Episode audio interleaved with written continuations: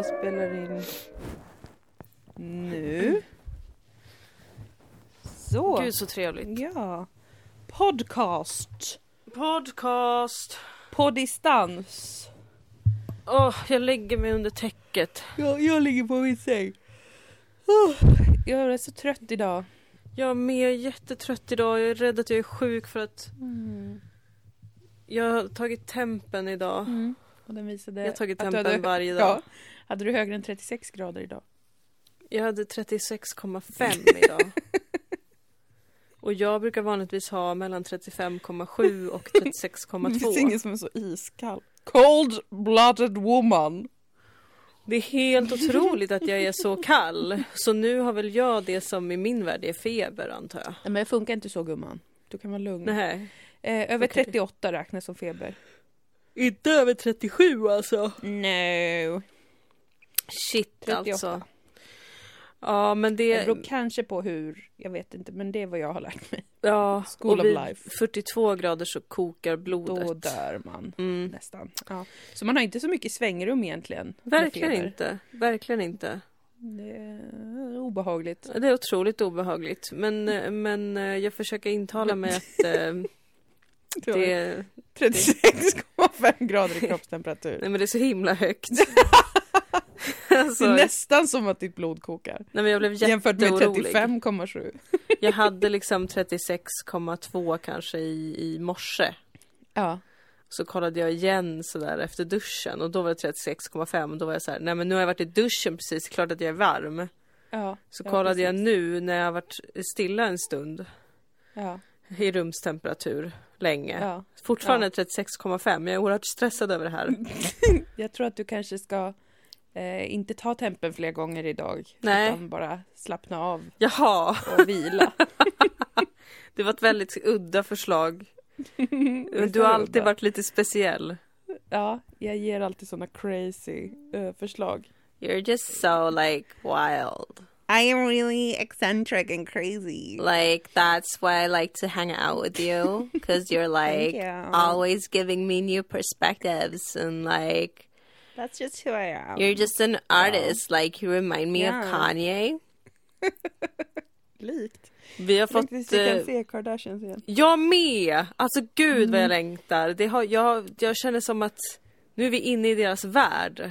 Ja, det är vi. Och med Tristan och Chloe Hur ska det gå? och hur ska det gå för de här människorna? Ja, Ja, det, man det, undrar. man undrar verkligen och jag vägrar se på dem som riktiga människor. Nej, det är underhållning. Det är underhållning. Men jag bara kommer att tänka på det nu att Chloe is, var så ledsen ju när, när det var så mycket med Tristan då. Ja, Spoiler alert, men han är en fuckboy. riktigt destruktiv. Hon fuckboy. bara I'm a real person, like my life is not just this show. Och det är ju sant, Mm. får man anta. Ja, ja. Eh, men jag eh, kan inte gå med på det tyvärr, Chloe. Om du lyssnar, if you hear so this, sorry. like we're so sorry, but like I can't, like literally see you as a human being like myself. Like, no, I just can't. No. Nej, man måste väl inte det. Vi, vi får väl inte betalt för att titta på Kardashians. Det är väl inte vårt jobb att ha en nyanserad bild av deras liv och personligheter. Alltså, jag vet inte. Jag vet Men inte. får vi, får vi betalt? Jag menar indirekt får vi ju på ett sätt betalt för att kolla på till exempel Gift vid första ögonkastet. Jo, det är sant. Som Men är ju- reality. Ja. Ja. Och, och, då, och jag vet inte om, om folk är intresserade av att höra våra analyser av, av Kardashians men jag vet att folk tycker om när vi härmar dem. Men Ja, jag kommer aldrig analysera dem. Nej, alltså det är något helt, Kardashians ser jag som något helt annat än till exempel sådana dating-tv-serier. Alltså reality som är såhär data eh, grejer. Ja. De är ju värda att analysera. Kardashians är ju väldigt bara finslipat maskineri. Väloljat heter det. Ja maskineri. precis. Det är ju bara man tittar på för att få, få vila en stund. alltså, Det är som att titta på sci-fi. ja. Att för att det är så magiskt att hur när någon fyller ett år kan man Mm. bygga ett sagoland. Nej men visst, det är verkligen... Eh, jag håller Det fast Star det är Trek som, eh, Voyager. Med, Va? Ja, att Kardashians är som, Ja. som det. ja. Jo, precis. Jag håller fast vid att det är att man eh, häpnar inför överflöd så ofta. Mm. Att det utgör väldigt god underhållning, precis som kungahus och liknande utgör Mm. det. Man vet att det där är ouppnåeligt.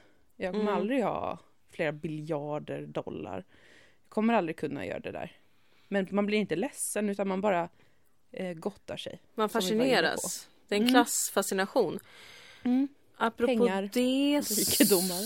Eh, pengar och rikedomar och sånt där. Ja. Jag tänkte på mitt kvinnohat.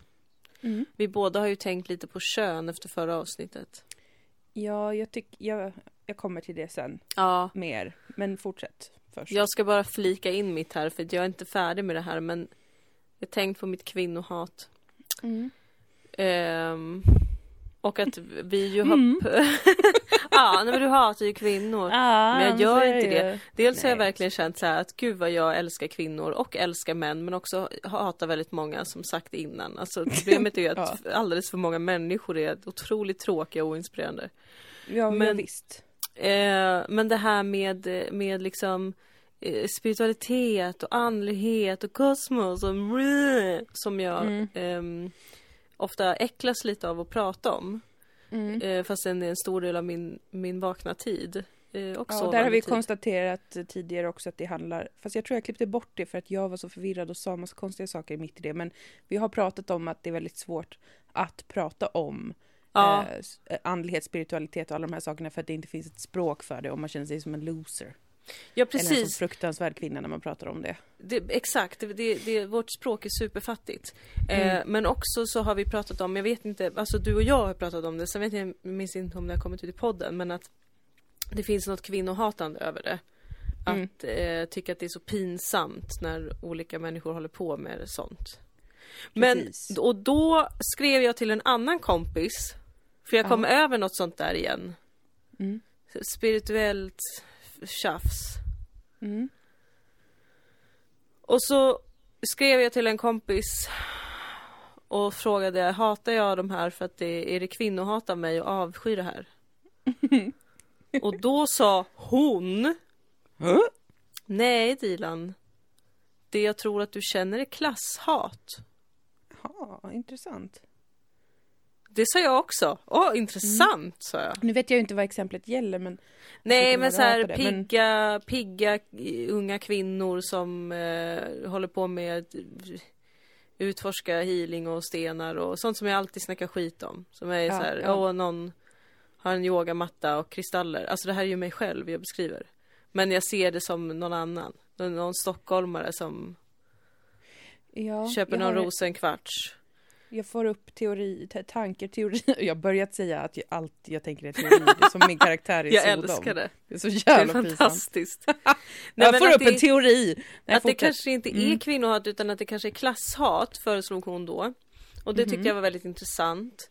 Eh, Mm. För att det ju ofta är liksom väldigt välbeställda personer som, som eh, uttrycker sig högt om sånt här. Eh, Mm. Men så också så kom jag på att det kanske är rashat. Mhm. Eh, och hat Hat är ett väldigt vitt begrepp i min värld. Okej.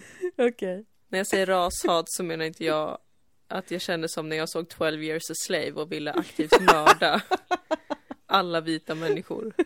Nej. Det är inte så. Nej. Men det är något som eh, sprätter till i mig. Mm. För att jag vet att alla de här sakerna, alla liksom... ehm, all, allt, allt eh, min sp- spirituella och andliga grund Mm. och min häxgrund Mm. min kontakt med naturen eh, och örter och healinggrund Mm. har jag alltid fått från ehm, min kultur, alltså min kurdiska kultur Mm. och eh, kurdiska kvinnor och när jag vuxit upp och lärt känna människor så har det eh, jag, har, jag har fostrats i det mycket mer av rasifierade Mm. för att det har inte funnits i den svenska kulturen och den Nej. svenska kulturen har eh, hånat det många gånger Mm. Så att jag har dolt de här sakerna och hållit det Mm. för mig själv. Eh, Fram tills nu de senaste åren kanske. Mm. Och eh, jag, jag tror att det är en sån nerv i mig som går igång. Jag är som sagt inte färdig med det här men tror att det är det som gör att jag blir så irriterad ibland. När För du egentligen ser borde jag vita ju- pigga kvinnor Ja. prata om att köpa en ny sten. För jag Eh, tänker och så hur här, viktigt det är för ens liv att ha olika saker. ja och typ sådär, fundera sådär. på sina drömmar och sånt som vi håller på med i podden eller liksom prata med andra sidan. Alltså eh, egentligen borde jag ju bli väldigt glad. Mm. Jag borde ju, och det tänker jag aktivt när jag blir irriterad på sådana här Mm. tomtar.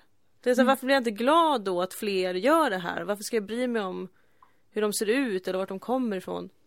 Men det är något litet eh, sår där tror jag. En liten sån kränkthet som, var, som är liksom att men allt det här har, har jag fått med mig från ett håll som har varit föraktat. Fram Ja. tills nu. Ja. Och då blir det så Precis. stort. Mm. Jaha, nu passar det att komma och gotta sig i att det. spå i kaffesump eller prata med änglar eller Mm. Mm. göra en huskur. Mm. Ja, precis, precis. Det är ju faktiskt en blandning av, alltså det tänker jag mig, det är ju också ett förakt för, ehm, vad ska man säga, ehm, k- kapitalismen eller de ekonomiska intressena som, precis som när hela, när all aktivism plötsligt blev slukad av ett underjordiskt Ja, pengatroll. och det visst. blev till, alltså då, då blir det ju också, jag tror, jag slänger in en grej, jag tror Ja. att vi som människor är kapabla att känna av eh, intention och förstå intention som andra har eller inte har väldigt Mm. snabbt. Och jag tror att eh, man kan eh, få en stark känsla av eh, att det är någonting obehagligt och falskt. Ja, för att man får en känsla av att intentionen med den här då, det man kanske då har lyssnat på eller sett eller man har pratat med någon där man får en känsla av att det, det här klaffar liksom inte.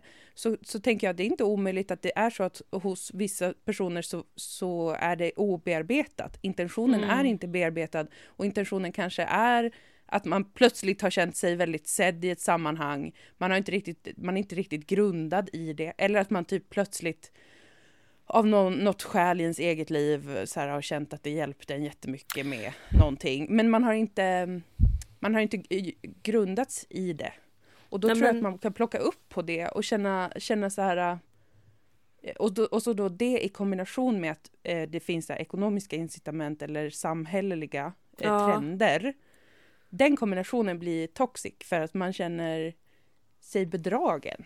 Och som att det, det är något som utger sig för att vara äkta och sant och vilja prata med en och kommunicera med en. Men man vet samtidigt, det är inte det. Det här skulle, vi skulle inte ha ett bra samtal, det här är inte på riktigt. Riktigt. Nej. Nej, men det är väl absolut. Det är ju klart. Det är ju ett hat mot kapitalismen som jag avskyr. Och är mer rasande över än någonsin känner jag faktiskt i mitt liv. Mm. Alltså jag har ju, det, är- det är kul också för att jag har börjat, jag, jag har slutat vara artig kring det där också med folk. Mm, Alltså så fort någon Slippa. klagar på något i samhället så är jag bara eh, liksom Ja Du vet, sitter och säger saker som att det, ja men det är det kapitalistiska projektet som har segrat. alltså jag blir som en sån rätt. gammal kärring som inte orkar så här, försöka vara Orkar inte smöra diplomatisk. längre. Nej. Nej, nej. Och det är, så, det är inte längre en sån så här, vart står man på den politiska skalan? Utan jag känner mig bara så totalt Nej. uppäten av den. Ja, ja. Och som ja, att ja. jag befinner mig i ett system där kapitalismen har blivit en naturlag. Alltså det är inte längre Ja. en ideologi eller ett, ett alternativ som jag kan respektera som ett alternativ vissa skulle föredra. Utan det är hela min värld. Det slukar är allt. den. Det slukar Mm. allt. Och ingen mår bra. Nej, Men det är ju också verkligen det här med intentionen och eh, Åh, vad var det? Vad var det jag tänkte på när du sa det? Ja, det vill jag veta. Ehm, Ja. Åh, nej jag tappade det. Men, det. men det är ju någonting där med liksom Det är Jo, eh, någonting ja. där. Jo, att ehm, Mm. att, att eh, det känns som att så många också vill använda de här sakerna. Alltså det är klart att så här, att många i Sverige håller på att vakna nu äntligen ur den här, liksom, det här sekulära helvetet man har försatt sig i. Det är fruktansvärt. Alltså, Ja, det kan inte pågå hur länge som helst. nej men det kan aldrig inte pågå hur länge som kunnat göra. Nej. Och, ehm, och medelklassen behöver väl någonting eh, också. Eh, för att alla orka. människor behöver något annat och mer Ja men än, precis. eh, än liksom den materiella bara verkligheten som de Ja, och, det- och det, det, det värsta som, som, liksom det värsta man möter ofta i, i en i en så här bred medelklass utan krig är ju ändå det som aldrig går att undvika, vilket är typ döden och sjukdomar. Och där Mm. behöver man verkligen ha någonting, alltså för att orka. Med uppvaknandet. Ja men låt det ökat komma. intresse. Mm. Absolut, det, för Mm. det, det, är en, det är en del av den, den mänskliga upp- upplevelsen, är jag övertygad om. Men Mm. Just att, att det känns som att, men det är också en del av det kapitalistiska i det naturligtvis, att använda det till, och det här vet jag att vi har pratat om innan, men det finns kvar hos mig så starkt, eh, som jag tror är liksom en del av det här, vilken intention har man? Att inte Mm. använda det för att bli ett med det större hela, utan verkligen använda det för, bara för sig själv på något vis. Ja. Och för att jag ska bli en så himla harmonisk och härlig och glad människa. Precis, Medan det jag personligen verkligen- känner mm. inget intresse av att säga, jag vill fortfarande kunna bli arg. Jag vill Mm. fortfarande kunna bli irriterad, jag vill fortfarande kunna bli ledsen. Jag vill fortfarande göra fel. Mm. Alla de sakerna känns otroligt viktiga. Mm. Ja, visst. Jag vill Och bara det är kunna ju- överleva. Eller också leva i det, typ. Ja. Jo, men för det är ju också ett liksom ehm, den kapitalistiska taken på spiritualitet och andlighet är ju att det handlar om ett maximerings, alltså att maximera dig själv som individ. Mm. Eller att skapa den bästa versionen av dig själv. Och för det så behöver du de här olika disciplinerna och för att genomföra dem behöver du de här olika sakerna. Allting handlar om, om det, eller det handlar enormt mycket om det. Eh, Medan det kanske i andra sammanhang, kulturer, så har spiritualitet och andlighet oftare handlat om eh, en koppling till andra människor och ens plats i det större. Mm. Inte att se om sin egen plats så att den är den bästa och man varje dag kan hantera allting fläckfritt och också vara framgångsrik och ha massa grejer. Mm. För det är, två, det är två helt olika vägar. Och när den, den vägen, den helt individualistiska kapitalistiska vägen förkläs som att det handlar om ett gemensamt projekt eller en, en vision om någonting större så är det ju falskt. Det klingar falskt. Man Mm. känner inte att det är det som är intentionen.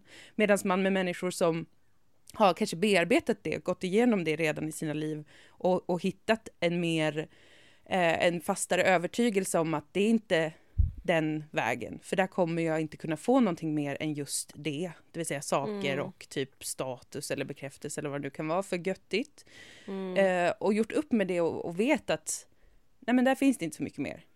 Då känner man av den intentionen att det är inte det det handlar om.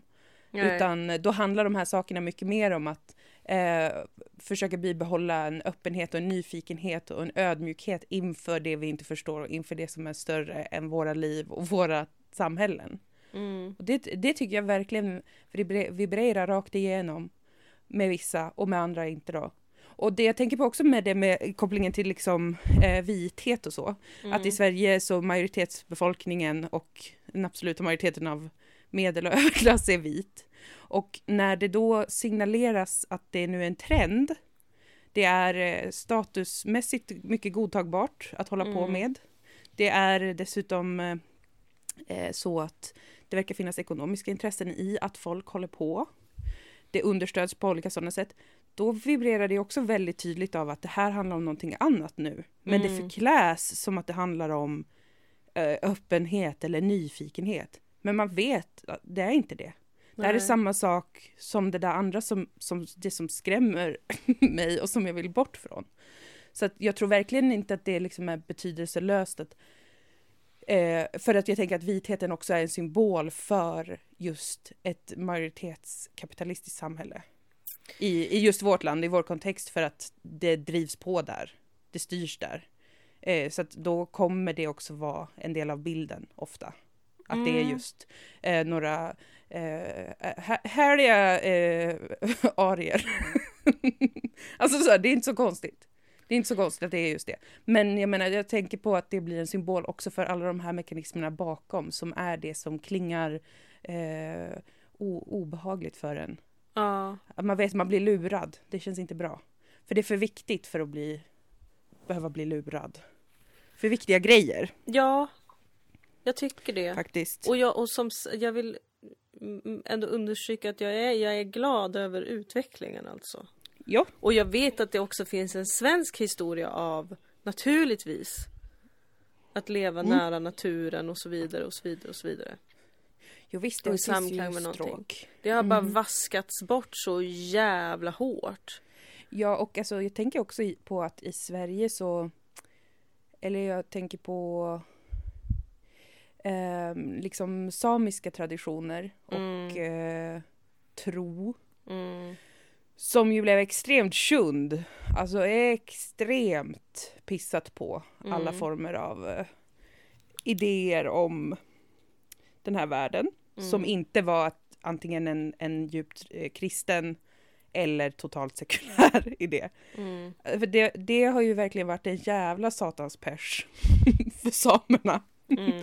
Där det ändå finns väldigt mycket mer Jo men det har eh, varit idéer. en satans pers för dem. En satans pers jo, som har pågått länge. det får man ändå medge. Och nu vet jag ju inte alls tillräckligt om eh, liksom folktro och sånt här. Men jag vet ju att det förekommer mycket mer och har gjort det mycket mer eh, inom samisk kultur.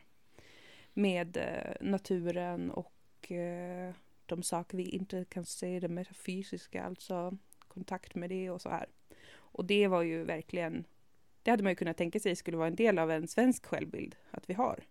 För vi har en del av minoritetsbefolkningen som har utövat och praktiserat olika typer av sådana här eh, ritualer och traditioner som cirk cirkulerar kring planeten och naturen och kosmos. Mm. Men nup!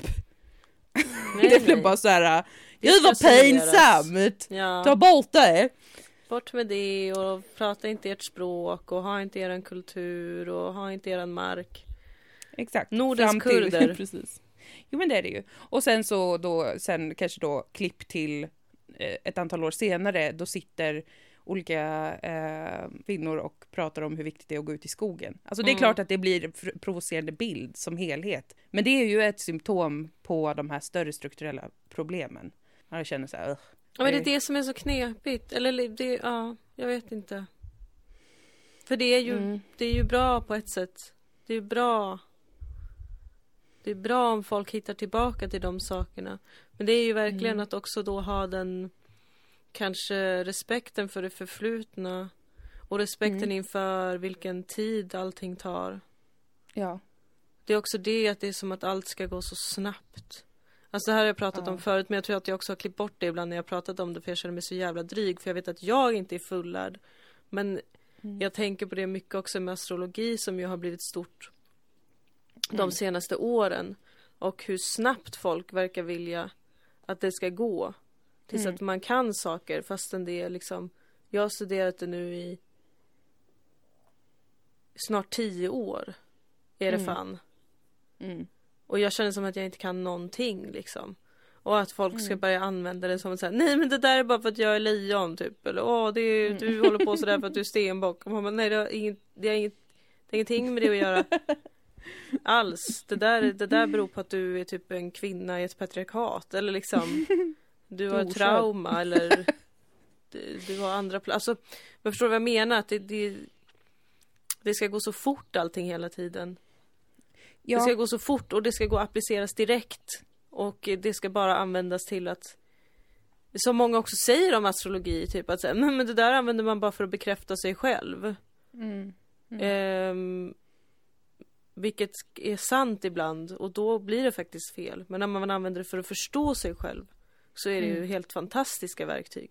Precis som med örter ja. eller med meditation eller med healing eller reiki eller vad man nu håller på med. Åh oh, gud jag känner mm. som att jag bara snackar massa skit nu.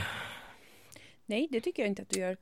Um... Som att jag är ehm. dryg. Alltså jag, jag, jag, jag, mm. jag är inte Jag känner så här att jag, jag vet att vi har också folk som är äldre än oss som tittar på och lyssnar på saker vi gör. Jag vill att de ska veta att jag inte Att jag inte tror att jag vet massa saker.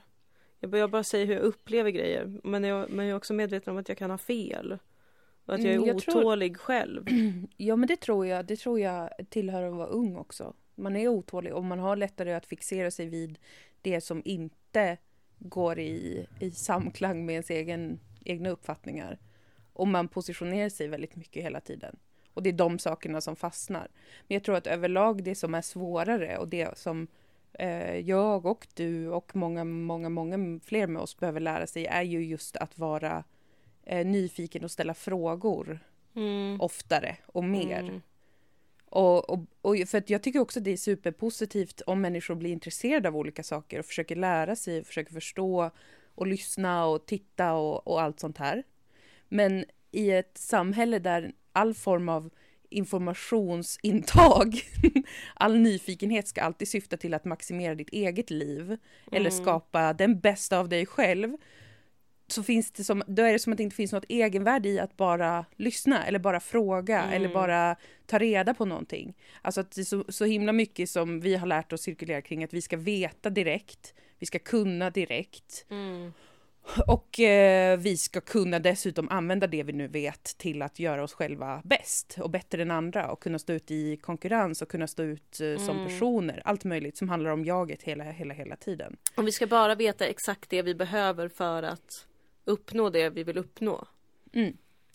Och det man förlorar i den processen är ju nyfikenhet på, eh, på allt möjligt egentligen. Mm. Det vi inte vet, där jag inte är säker på vad jag tycker eller vad jag tror eller vad som har hänt. Mm. Eh, och för, för mig personligen så är det ju, jag mår bättre, eller jag märker att det ger livet en extra spännande dimension när jag klarar av att förhålla mig nyfiket. Alltså Mm. som en eh, liten padawan som vill veta mer. Och jag vet att jag blir mer stressad och, och stängd av, eh, av att eh, vara väldigt bestämd i var, var jag står. Mm. Alltså jag kan känna skillnaderna mellan de två olika lägena eh, ganska tydligt. Mm. Och det handlar inte om, det är inte projektet att maximera mig själv och göra mig själv till en urskön person, utan det är helt enkelt för att det känns som att eh, det ena verkligen har något. Alltså bara som människa så har det någonting, att, att vara, eh, att eh, vara nyfiken. Mm. Alltså en viktig del. Och, ja, och släppa, med släppa kontroll. Mm. Det är väldigt kul när man bara eh, kan suga upp saker Mm. lyssna och, och, och själv inte vara säker helt. Så här, vad tycker jag om detta? Jag vet inte riktigt. Mm. Men jag, kan, jag har råd att lyssna. Det är ingen Mm. stress eh, med det. Och- På samma sätt som det är otroligt skönt att få ändra sig. Alltså Mm. att ha någonting där man har varit liksom tvärsäker och sen få komma och ta sig emot i att säga att jag tror att jag inte är så säker på det där längre. Ja, precis. Precis. Som du kanske känner Mm, med precis. könet på ditt barn. Snygg övergång. Det är som att vi har Tack. förberett det här programmet. Det var faktiskt någon som frågade det på våran patreon.com snedstreck Dilan och Moa. Wow. Och vi Eh, förbereder. Om precis, om vi förbereder någonting inför, inför avsnitten. Nej, ibland har vi ju, har ju någon av oss med sig något som man har tänkt på, kanske sedan Mm. förra veckan, som jag har idag. Mm. Men det är inget som jag liksom har formulerat. det kanske märks ofta på podden. att det inte är för, det är inte för bearbetat, för processat. Nej. Eh, sådär. Men, men mer än så förbereder vi inte. Jag Max, nu har jag ju sagt till dig, jag måste prata vidare om det där som Ja. jag pratade om förra veckan med könet på mitt barn. För att det, det är en liksom konstig stor grej och. Ni betalar liksom oss eh, bara för att eh, eh, filosofera fritt. Ja, precis, precis. Så är det ju. Så är det. Men det är en konst i sig. Det, Det är kan det, jag och det verkligen är säga. kapitalismens fel att vi ska behöva ha en Patreon för det och att ni ska behöva donera pengar till oss eh, s- som ett liksom välgörenhetsprojekt för att vi ska ha råd att göra det. Ja, och... Eh, men det är fint, ni som vill stödja det. Jag... Jag är så glad för det. Det är så skönt.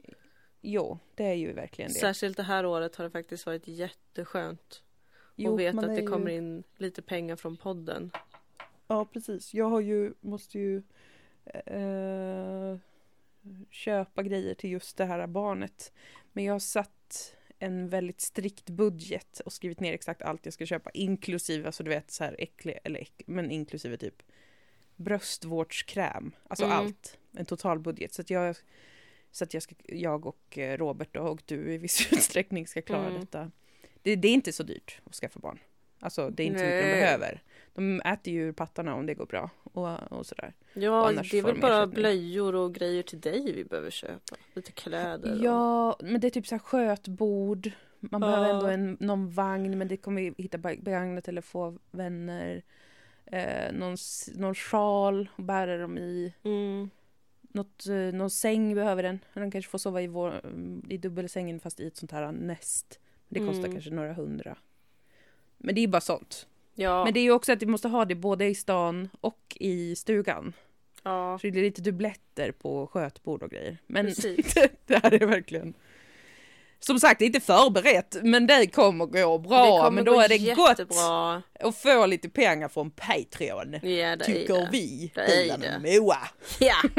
Ja, ja. Jo, men jag har ändrat mig, precis. Eh, nu ska jag berätta om min resa sedan förra veckan vad Mm. gäller detta. Jag är alltså gravid i vecka 20. Vecka Va? vecka. ja, Det är alltså också det- sant. Ja, det är sant. Det finns tydligen vissa som har trott att det här är ett skämt. Jättemånga tror att det är ett skämt och det, parentes, i sig själv tycker jag är väldigt roligt för att jag känner mig som en sån otrolig trickster. Alltså vad tror folk är mitt game? Det är Men vi har ju snackat så mycket skit om barn. Jag vet och eh, fast jag har ju velat hävda som du vet Mm. att jag personligen har alltid sagt att jag har tänkt på barn, att skaffa barn sen jag Ja. var kanske 15. Ja. Alltså både på att jag vill ha barn och sen i perioder att jag inte vill det. Men jag har ändå, det har varit en aktiv del av mitt inre liv sen Mm. väldigt ung ålder. Men ja, det här förstår vet jag att- om dig, men jag är osäker på om världen utanför har uppfattat det här. Nej, jag tror inte de har det. Jag har liksom sagt det i podden, det vet jag. Mm. Eh, men jag tror att jag har sagt det med en sån eh, aggressiv betoning. Att man ändå tror att eh, hon kommer aldrig skaffa barn, hon hatar människor som gör det. Men det är en missuppfattning om mig. Man måste lyssna på mina ord Ja. och inte på hur extrem eh, aggressiv pondus jag kan ha ibland Mm. eh, gällande olika saker. Mm. För det kanske är lite mer som ett skämt, en överdrift och sådär. Men vem vet? Vad Vem folk vet? tror. Du Men jag är i alla fall gravid på riktigt och jag har eh, Jag var igår på det som kallas då rutinultraljud som görs i vecka 18 till 20. Då kollar de på lilla babyn, som det heter. Jag har en så gullig barnmorska på Familjens hus som säger babysen. Alltså jag älskar det. Det är jättegulligt sagt. Hon bara, ja nu är ju babysen så här. Jag bara, jag älskar dig. Eh, så mycket för det låter så himla cute. Mm. Så jag kommer börja kalla det för babysen. Mm. Eh, Jag kommer att kalla det för gaybisen. babysen. För det är så gay att du är gravid. Det är faktiskt kul. Ja men på, på rutinultraljudet så mäter de alla dens inre organ. Man tittar på hjärtat. ehm, och sen om man vill så kan man be om att få veta könet på sitt barn. För det kan Mm. man då se. Och jag var där först i torsdags men då hade babysen lagt sig. eh, jätteirriterande med ryggraden mot och vägrade flytta på sig. Mm. Och gick inte att se någonting av. Eller det gick att se det mesta njurar och blodomlopp och fötter. Men de fick inga bilder på hjärtat. Fastän då- du enligt rapport ska ha hoppat omkring. ja, det, det här visste inte jag var en grej men, men barnmorskan bara du kan ställa dig och försöka så här, hoppa och squatta och lite sånt där så kan den vända på sig. Så stod jag där med liksom neddragna strumpbyxor som gegga på magen som Mm. eh, ultraljudssmörj och liksom hoppade som en galning. Och hon bara, jag vänder mig om så behöver du inte känna att jag sitter och tittar. Jag bara, tack så mycket. Så snällt. Så himla bisarr situation. Men den vägrade vända på sig, den låg bara så fortsatt och därför fick jag en ny tid då igår För att de ville såklart då få se att hjärtat fungerar som det ska. Mm. Och jag ville ju veta vilket kön. Och sen så fick jag veta det igår och det är en pojkbebis. Men ska vi inte ha en sån gender reveal i podden? att, så här, att du bara, det är, om det är en pojke så kommer det på sån så här, jättehård heavy metal. Och om det är en flicka så kommer det på typ eh, Lady Beyoncé. Ja, eh, och samtidigt smäller jag en ballong som det kommer ut blått glitter eller rosa glitter ur. Men det får man bara föreställa sig för det här är ju en podd. Precis, precis. Jo men det skulle Ja, vi men- såklart ha gjort. Nu har du redan sagt det Nu, då. nu har jag förstört allting. Och ni som lyssnade förra veckan på Dilan och Moas podcast vet att jag pågick mycket förvirrat och gränslöst om huruvida jag eh, hatar eventuellt män och även eh, inte vill ha en son. Och jag sa oerhört oförlåtliga saker om pojkbarn, att de har fulare kläder, att de är tråkiga, att de har tråkiga intressen, Ja. eh, att jag inte Det kan identifiera absolut mig. värsta eh, censurerades på Ja. din begäran.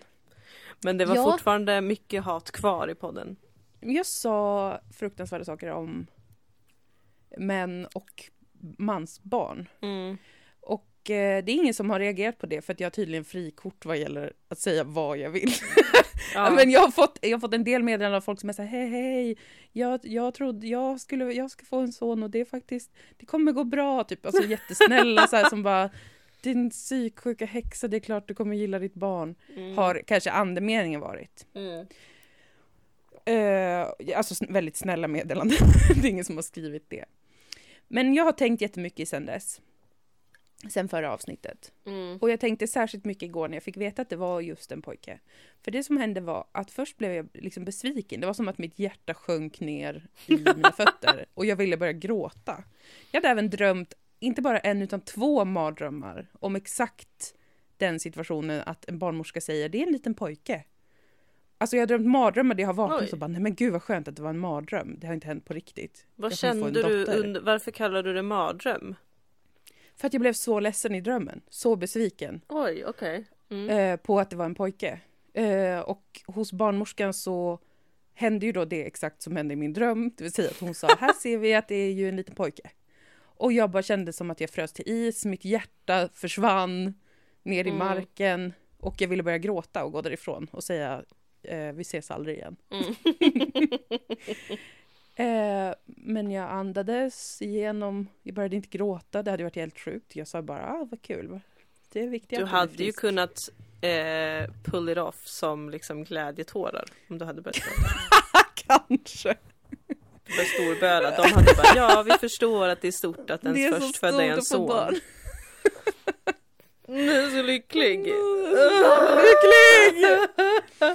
Oh my god. Sen så fick jag se min lilla bebis lilla, lilla ansikte och Mm. näsa och dens lilla hjärta som var perfekt. Den hade inga sjukdomar eller missbildningar, vilket är jätteskönt och glädjande. Mm. Sen fick jag med mig fyra små bilder på den.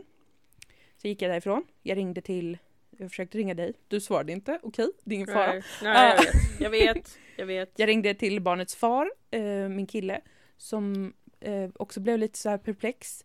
Jag ringde till... Eh, han, vill, han hade också ställt in sig på att det skulle vara en tjej, för jag har pratat om det så mycket. Mm. Och, eh, och för att han har lite samma situation som mig. Alltså han har en bror och hans bror har en son. Hans pappa har bröder. Alltså det är mycket män och pojkar i familjen. Mm. Så han var också så här, vad kul om, att få en dotter. Ehm, jag ringde till eh, en annan av mina bästa vänner. Hon var också så här, men gud är det sant? Vad, vad sjukt att det är en kille. Alla får pojkar. Mm. Eh, min syster ringde och jag pratade med henne ganska länge. Och hon var jätteglad såklart för, för att det är ett friskt barn. Sådär.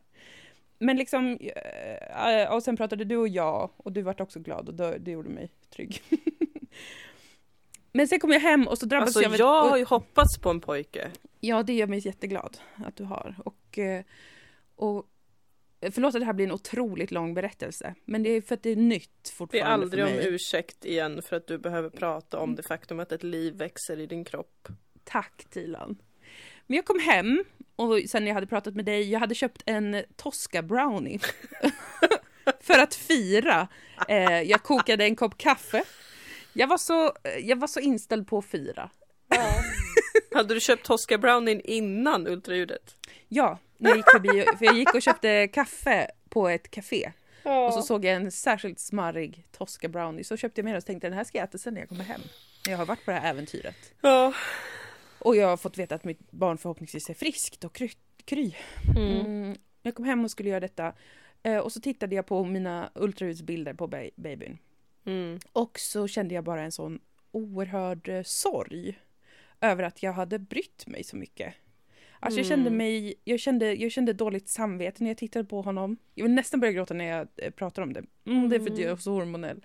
Man har ett så vackert litet ansikte och det är en liten levande människa som jag redan verkligen känner att jag älskar jätte- jättemycket. Att jag vill Mm. bara att de bästa sakerna ska hända den människan. Och jag vill att han alltid ska vara glad och lycklig. Och han är världens finaste redan tycker jag. Mm. Och rent objektivt, he's a supermodel. Mm. Nej men då kände jag, då kände jag liksom en så stor eh, vemod över vad jag har hållit på med. Alltså varför det har varit så viktigt. Och, och jag var tvungen att fundera på varför det hade känts så viktigt för mig med, att, med vilket biologiskt kön lilla barnet skulle ha. Mm. Eh, och jag var tvungen att vara lite ledsen över det en stund tror jag. Och jag är fortfarande lite ledsen över det. Att, att det blev så stor grej för mig i, i mig. För att det helt enkelt känns... När det mötte den verkliga världen, som är det här lilla ansiktet som är där inne och Mm. kroppen. När det krockade med det så kändes det bara så otroligt orättvist. Alltså det kändes som, alltså inte mot baby, babysen, den, är ju, den vet ju ingenting om vad som händer, den har det gött, verkar det som. Men du vet, det kändes orättvist på ett, på ett existentiellt plan. Att jag hade hållit på så mycket med det där för mig själv och utåt. Mm.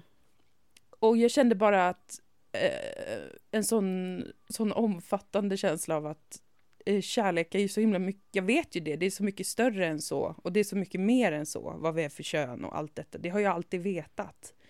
Men varför blev det så viktigt för lilla mig Mm. att tänka på de här grejerna och till och med drömma mardrömmar om att det är min son. Alltså du vet, det känns ju... Ja. Eh, det, som jag, det som jag kunde tänka och försöka förstå när jag försökte att inte bli arg på mig själv utan jag försökte förstå istället för att bara känna skuld över att det var dumt gjort. Mm. Jag borde veta bättre som progressiv feminist. Istället för att känna liksom skam och sådär så tänkte jag att jag vill förstå varför det blev en grej. Och då har jag tänkt på att jag tror att det handlar ganska mycket om ehm, att det här är en situation som jag aldrig har varit i. Det är en väldigt stor grej ändå. Eller det är Mm. klart det är. För mig var det lättare att fästa olika typer av framtidsvisioner eller en känsla av liksom att få kontroll över vad som ska hända. Försöka kunna räkna ut vad som ska hända. Det var mycket lättare för mig när jag tänkte på att det skulle vara en tjej.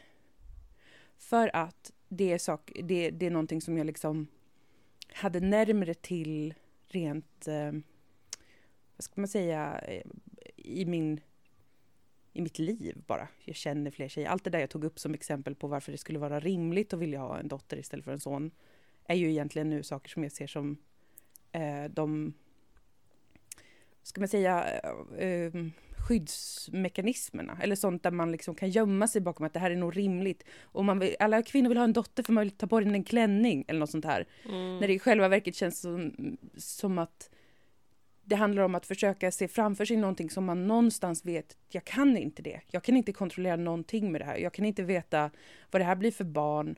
Eh, dens biologiska kön kommer inte vara den mest aktuella biten i hur jag connectar med mitt barn eller hur jag förstår det eller hur det förstår mig. Um, och kärleken kommer vara större än de sakerna. Men Mm. det, jag är orolig för att, det, att kärleken jag har till mitt barn skulle påverkas av det. Det har varit Mm. det som har varit mardrömmen, tror jag, på ett vackert symboliskt plan. Har varit att det är en pojke, säger de till mig, och för mig innebär det att jag kommer inte kunna förstå honom. Jag kommer inte kunna identifiera mig med honom fastän han är hälften mig. Förstår du? Ja, jag tror att jag förstår. Men jag undrar också om det... om det, eh, det här bara undrar jag. Mm.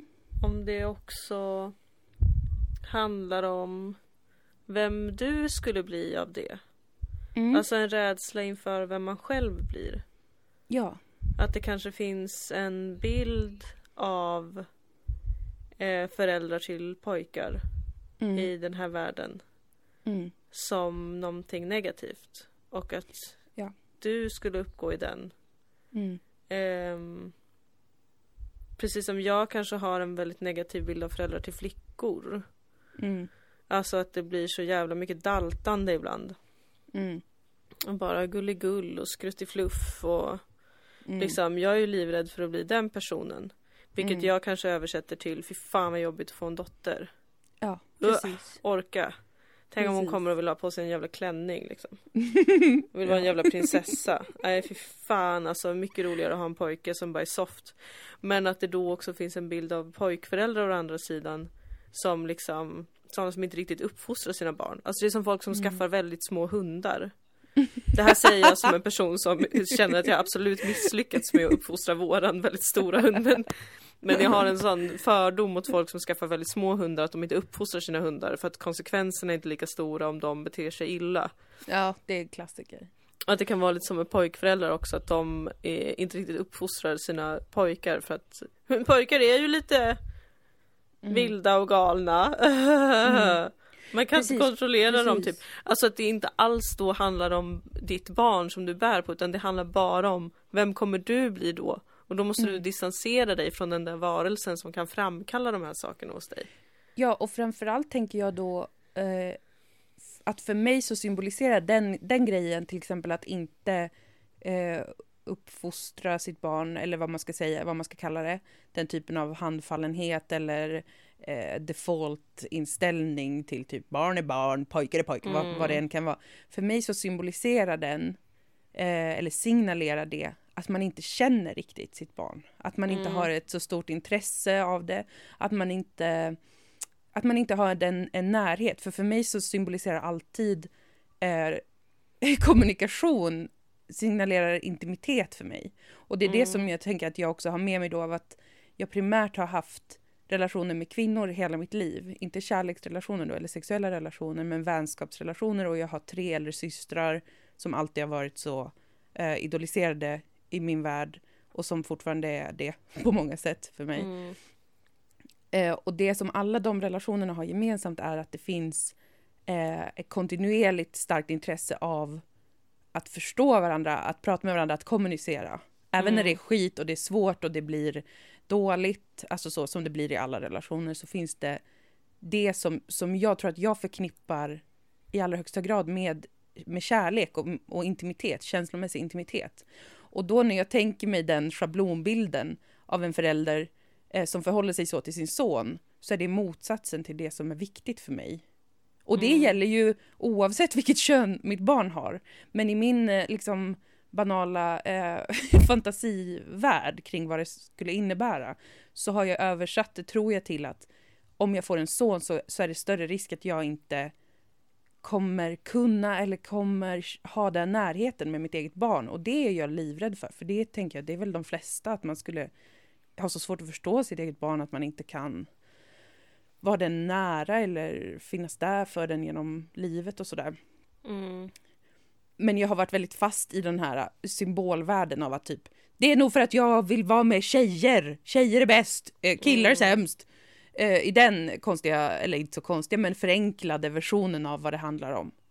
Och det jag tror att jag, jag kände igår när jag, fick, när jag tittade på honom på bild eh, och kände den här ehm, väldigt stora känslan av att eh, det är mitt barn ju Mm. det finns ingen, det finns ingen, det finns ingenting jag vet om, om honom och det finns ingenting jag kan förutse med hur vår relation kommer bli baserat på att han är en kille och jag är hans mamma. Mm. Och den liksom insikt, känslomässiga insikten, för det har jag ju väl hört, alltså du vet, säger ju alla. Det viktigaste är ändå att barnet är friskt. Det är klart man vill ha en tjej eller en kille, men sen så är det friskt, bla bla, det där. Det har jag ju hört. Men emotionellt så har jag inte förstått det förrän igår när det landade hos mig att det är det här det är. Mm. Det är det här som är det verkliga i detta. Och allt det andra är massa överbyggnader och försvarsmekanismer och sätt att försöka förutse någonting som är oförutsägbart. Det vill säga hur det kommer vara för mig att få ett barn. Mm. Det, det, vet inte jag. Han kan bli på hur många olika sätt som helst och jag kan bli på hur många olika sätt som helst. Och det är någonting som, som jag tror att jag i alla fall behöver bejaka och inte kämpa emot. Men det är mycket svårare att bejaka det, att det är oförutsägbart. Eh, än det är att bejaka typ, jag vet exakt hur det kommer bli att få en son versus en dotter. Och det skulle vara Mm. lättare om det var en dotter. För det är så jag har tänkt fram tills nu ganska mycket. Mm. Det är ju att inbilla sig själv att jag vet någonting om hur det är att få ett barn för mig. Ja, Men det vet jag ju inte, det vet jag ju inte alls. Nej. Men det är så otroligt mycket mer svårt jobb, emotionellt och intellektuellt också, att försöka bejaka ovissheten och försöka hitta en eh, känsla av tillförsikt till kärleken som det innebär. Att det kommer en ny människa in, in i mitt och våra liv. Det är så mycket svårare än att bara vara fixerad vid de här eh, sakerna man tror att man kan bestämma över och, förutse och eh, så här. Då kommer mitt liv bli exakt så här om jag får en dotter. Bara, absolut inte. Det kan jag inte veta. Hade det varit en, ett flickebarn hade det egentligen varit exakt samma situation. Men jag kanske Ja. hade kunnat gömma mig i det mycket längre. Att så här, låtsas att jag vet vad det ska innebära. Vad var det du tänkte att du skulle göra med en dotter som du var så säker på? Det har inte jag fattat riktigt. Fläta Jag varandras tror- hår. Nej men jag, jag har en så här, en, en ur, och det tror jag som sagt nu har att göra med min historia av att ha primärt sådana känslomässigt nära relationer med kvinnor. Att jag sett framför mig att jag skulle med en dotter kunna eh, prata med henne jättemycket. Alltså det här är ju i framtiden, det här gäller ju inte spädbarnstiden direkt eller liksom så. Nej. Men, men att vi skulle liksom kunna bli vänner på det sättet. Alltså att hon skulle alltid vilja prata med mig och hon skulle alltid och jag skulle vara så skön mamma. Jag har en så jätteromantiserad bild av, av olika mammor som har döttrar. Gilmore Ja, Girls. Skojar. Ja. typ, alltså det är, jätte, det är jättelustigt. Men, men eh, jo, men det var mycket sånt som jag insåg att jag tänker att på något sätt att jag skulle få gratis om det är en dotter. Så är det ju inte, det vet jag ju i mitt tänkande huvud, rationella huvud. Att det är Mm. klart att det inte, det skulle kunna bli eh, hur fan som helst. Men det var som att jag tänkte att det skulle innebära en liten säkerhet om det är en dotter. För att det skulle kunna bli en sån relation på ett enklare sätt. Att, att hon liksom vill prata med mig. För det jag är rädd för med, med killar. Det är om de inte vill prata om saker. Men det är ju en hel, det är ju bara en miljöfaktor. Alltså det är ju så här, min, min pojkvän som, som jag också sa på otroligt oskönt sätt i förra avsnittet. Vi pratar ju hela tiden. Han har ju inte någon av de där grejerna. Nej, alltså jag tänker jag- på min lillebror också som är liksom alltså, nästan uttryckligen besatt av att prata med en ja, hela det är tiden. så gulligt. Eller det är värdefullt ska jag säga. Jag ska inte patronisera. Det är väldigt värdefullt. Nej, Nej, men det är jättekul. Du får, du får Mm. hänga mer med honom tänker jag. Så att du får träffa en manlig tonåring. Ja, men verkligen. Men alltså, det är liksom också att jag känner, jag har ju, jag har ju jättestor kärlek till mina syskonbarn som är pojkar. Eh, Just det. Alltså, jag du har, har ju ju, 71 killar omkring jag har dig. jättemånga och de är liksom, de är verkligen svingulliga allihopa och roliga och finurliga och alltså du vet, det är klart det är så. Men, men eh, i den här eh, processen så har jag tänkt på det som att det, eh, ett pojkbarn till mig skulle inte vara, vi skulle inte kunna få samma närhet eh, för att vi är olika kön. Alltså jag tror att det, nu formulerar jag det så att det låter jättebanalt, men jag tror att det är på något vis det som jag har varit rädd för Mm. eh, undermedvetet, att det ska innebära det. Fastän det är så här, som sagt, att få Alltså, ett eget barn, det är inte samma sak som att typ ha en, killkompis som man försöker bli vän med i gymnasiet. Ler Nej, men för det är väl bara en rädsla för att inte, inte kunna connecta med sitt barn överhuvudtaget. Exakt. Jag menar den bilden av den här mor och dotterrelationen är ju också en lika bisarr fantasibild. ja, verkligen. Som att det är helt självklart att ni kommer förstå varandra till 100% bara för att det är en tjej liksom. Nej men visst, herregud, det skulle lika väl kunna vara få, få ett flickbarn som är besatt av, fan vet jag, eh, traktorer Ja. eh, och som bara vill hänga med sin pappa och tycker att jag är en subba. Vem fan vet? Alltså, mest troligt blir det ju inte så extremt eftersom att det just är ens barn. Så den kommer antagligen, den är beroende av en för att överleva. Övertag. Men precis, jag tror också det, eller det jag tror det var det som lite grann så att säga landade hos mig igår. Att det är nog Ja. det som jag har varit rädd för. Och sen har jag fäst det som man ofta gör, projicerat det eller eh, klistrat fast det vid sådana här olika eh, förenklade versioner av vad det handlar om. Och jag kände Mm. förra veckan när vi pratade om detta att så här, det här är ju inte riktigt eh, jag. Jag tror ju inte på de här sakerna. Jag tror ju inte att ens biologiska kön avgör Alltså det, det, det ger massa förutsättningar och massa grejer som vi inte kan styra över. Alltså det vill jag ju inte underspela givetvis. Mm. Men, men jag tror inte som människa som liksom förmåga att känna kärlek eller utveckla olika typer av kommunikation med människor så, så, så ser jag ju det som att vi har alla exakt samma förutsättningar att göra det eller inte göra det. Ja, Det, visst. det är jag ju en... Alltså det tycker jag inte det verkar råda några tvivel om. Och eh, så att jag liksom kände bara, vad är, vad fan är detta? Varför är det? Och det tror jag är den, de här grejerna. Och det kände jag Alltså- nu igår. Nu har det blivit dags för dig att sitta ner med mig och titta ordentligt på Avatar The Last Airbender. ja, men kan vi inte vänta till eh, Benji föds? Nej men, för att låtsas jag, att det är för hans skull. ja men jag vill att du ska visualisera att så där kommer Benji att bli. Som Aang är. Du ska få se exempel på ett underbart, förvisso fiktivt pojkbarn. Ja. Som också behärskar alla fyra element och är uppfostrad av munkar. Men Ja. jag tänker att det ändå är målbilden vi ska ha. Ja. Det är jättebra. För fostrandet av, av detta barn. Sen ska inte hela världens öde vila på hans axlar naturligtvis. Men Nej, det eh, verkar ganska jobbigt. det verkar jobbigt. Jag vill också eh, säga, det finns säkert någon lyssnare där ute som har suttit och tänkt, ska ni inte uppmärksamma det här? Och jo, det ska vi, att min lilla syster hade rätt, än en Ja. gång. Oh my god!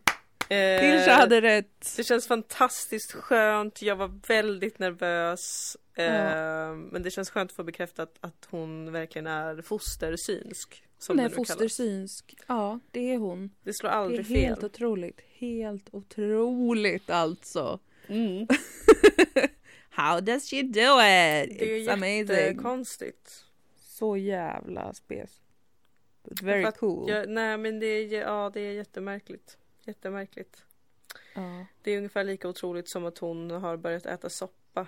Efter att ha ätit din soppa. Jag är jättenöjd över det. Det är min största bragd som masterchef. Ja. Helt otroligt. Vad är jord, jordärtskockssoppan? Ja. Succé. Jävligt god. Samma jordärtskockssoppa som du trodde var orsaken till att du fick lite ont i magen och mådde illa. Men så var det Ja. Little Benji.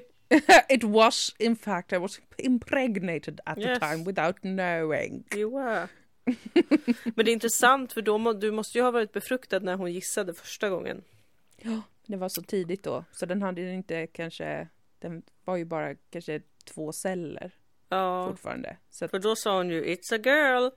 mm, Men sen när vi visste att du var gravid så har jag frågat alltså flera gånger. ja, och hon har hållit fast vid det en pojke. Mm.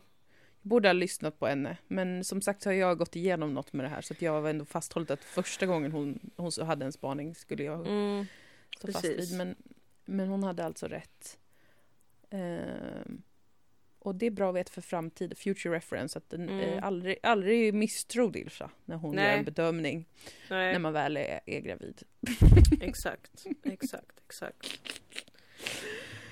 Ja, herregud. ja. Vilken resa. Vilken resa. Tack för att jag fick dela med mig och kanske förtydliga lite efter förra veckans eh, situation där jag kanske lät som liksom någon form av kristdemokrat eller något sånt där. Mm. Tänkte jag på. Alltså med Ja, alla men- så här väldigt bestämda uppfattningar om vad som är manligt och vad som är kvinnligt och bla bla bla. Ja just det. Nej men Eh. vi får väl fortsatt hävda i Dilan och Moa podcast att vi hatar inte kön, vi hatar människor. Ja, det har vi sagt sen alltid. Vi, vi hatar eh, ingen ingen hudfärg, inget kön, Nej. inget, eh, vad finns det mer, etnicitet, Religion. ingen religion. Vi hatar bara människor. Och det är det Mm. som gör oss till alltså, samtida eh, buddhas egentligen. Verkligen. Mm. Det är en helt Verkligen. otrolig bragd att klara av att hålla det så stringent. Ja, det är man det. hatar. Och inte falla för satans eh, små lockelser. Nej, Att börja Nej, hata de här banala, ytliga, egentligen på många sätt fiktiva sakerna. Precis. Utan att alltid vidhålla att det är människor vi hatar. Ja, Arten människa. fy Mm. fan för den. So beautiful. Eh, jag ska gå och baka semlor nu. Men du gillar inte ens det, men du gör det för din familj. Ja. Du är en, you're a strong man. Strong man. Mm. Snyggt. I am. I am. Yes. Jag är jätteavundsjuk, jag älskar semlor. Jag kanske kommer gå ut och köpa en. Ja, eh, varför köpte idag. du inte det igår på fettisdagen? Fettisdagen? Fettisdagen? Vet du- Vadå? Det var jättepinsamt, för nu ska jag berätta. Det kommer en Mm. lika lång berättelse, jag. Det började för sex månader Nej, det var, det var så att jag sa när jag var inne på fiket, jag bara "Eh, en dubbel cappuccino. Hon bara ah, okej, något mer. Och så var det lite förvirrad stämning, det var massa folk där inne. Alltså inte Mm. jättemycket, inte covid-farligt mycket, men det var liksom några till som samtidigt pratade. Så jag bara, och en semla. Hon bara, bara en kaffe. Jag bara, ja. Nej. För att jag vågade inte säga det igen för det var så pinsamt att jag bara skulle köpa en semla. Hade det varit två hade det känts normalt. Då är det så här, jag ska bara gå och fika hos en kompis. Nu var det väldigt tydligt. Jag köper en kaffe och ett, sn- ett snack, en bulle, bakväg till mig själv. Men det är väl det Men- mest normala man kan göra. Alla gör ju det. Alla är Ja, ju så här. jo. "Åh, jag har köpt en semla. Mm, det är så gott. Jag vet, men det, Det kändes gott. onormalt. Jag vågade inte säga det igen. Jag tänkte hon skulle döma mig för uh, någonting. Mhm. Men sen så tog jag ett steg tillbaka och väntade på min kaffe och då såg jag det lysa från en Tosca brownie. Mhm. Och så tänkte jag, om jag inte får en semla på grund av att jag inte vågar fråga om det, då ska jag åtminstone få den där. Och då bröt jag liksom in framför en annan kvinna och sa det, du förresten. Jag skapade en otroligt stor scen där jag bröt kön. Eh, så det, det var kontraproduktivt. Men gott var det. Det är, det är otroligt förvirrande. Varför du Mm. inte bara kunde be om en semla då. Men det, är, det är därför jag älskar dig. Tack gumman. Och inget annat. I did it my way. Otroligt. Men ja men unna dig en semla. Vi hörs Mm, ju igen jag. snart. Vi ska ha ett litet möte om ett eh, spännande projekt. I, Jajebus. vi håller på med locka, locka och pocka och pocka på er uppmärksamhet. Mm, mm, Med sådana mm. kryptiska små meddelanden. Det blir skitbra. Eh, Jag ska kanske gå och ta tempen igen. Förvånansvärt trött känner jag mig. Åh nej, okej, du får göra det. Jag tillåter dig, dig att göra det, för jag vet att du har varit med om prövningar i det, att du har träffat folk fastän alla var duktiga och hade munskydd. Ja, Så det är bedömningen som gör att jag säger att du får ta tempen. jag har varit och arbetat. Hashtag arbetat. Mm. Hashtag Eh. arbetslinjen. Mm. Ja men jag gör det och sen kommer jag tillbaka till Malmö snart. Vad roligt för bara dig. Jag vet inte ens varför jag säger det i podden. För att det är inte som att jag kommer träffa någon. nej, det är fortfarande covid. Ja. Men ändå, Men, men. hurra, hurra, hurra. Ta hand om er där ute. Ta hand om er. Fortsätt snälla. Hålla Snälla. avstånd, tvätta händer, bära Ja. munskydd. Inte umgås Ja. med för många. Inte Ja. tycka att det är så himla jobbigt att inte få kramas. För det är inte så himla jobbigt att inte få kramas. Ett tag till. Ett tag till. Sen. Ehm, det är ganska jobbigt att inte få kramas. så Jag förstår faktiskt att man kan vara ledsen över det. Men ja. Ja, Men snart. Snart. brand new world without covid. snart så. Och ehm, se till att äta bra mat. Mm, mums. Alltså, Gott. ta hand om era kroppar nu. Ja, Ja. gör det. Och själar. Och själar! Ah! Vad bra! Vad bra! Och ge oss pengar på patreon.com snedstreck Dilan och Moa, tack! Yay! Okej, Hej- puss och kram. då, puss puss puss! Hej då. Hej då, puss i prutten! Puss på pungen!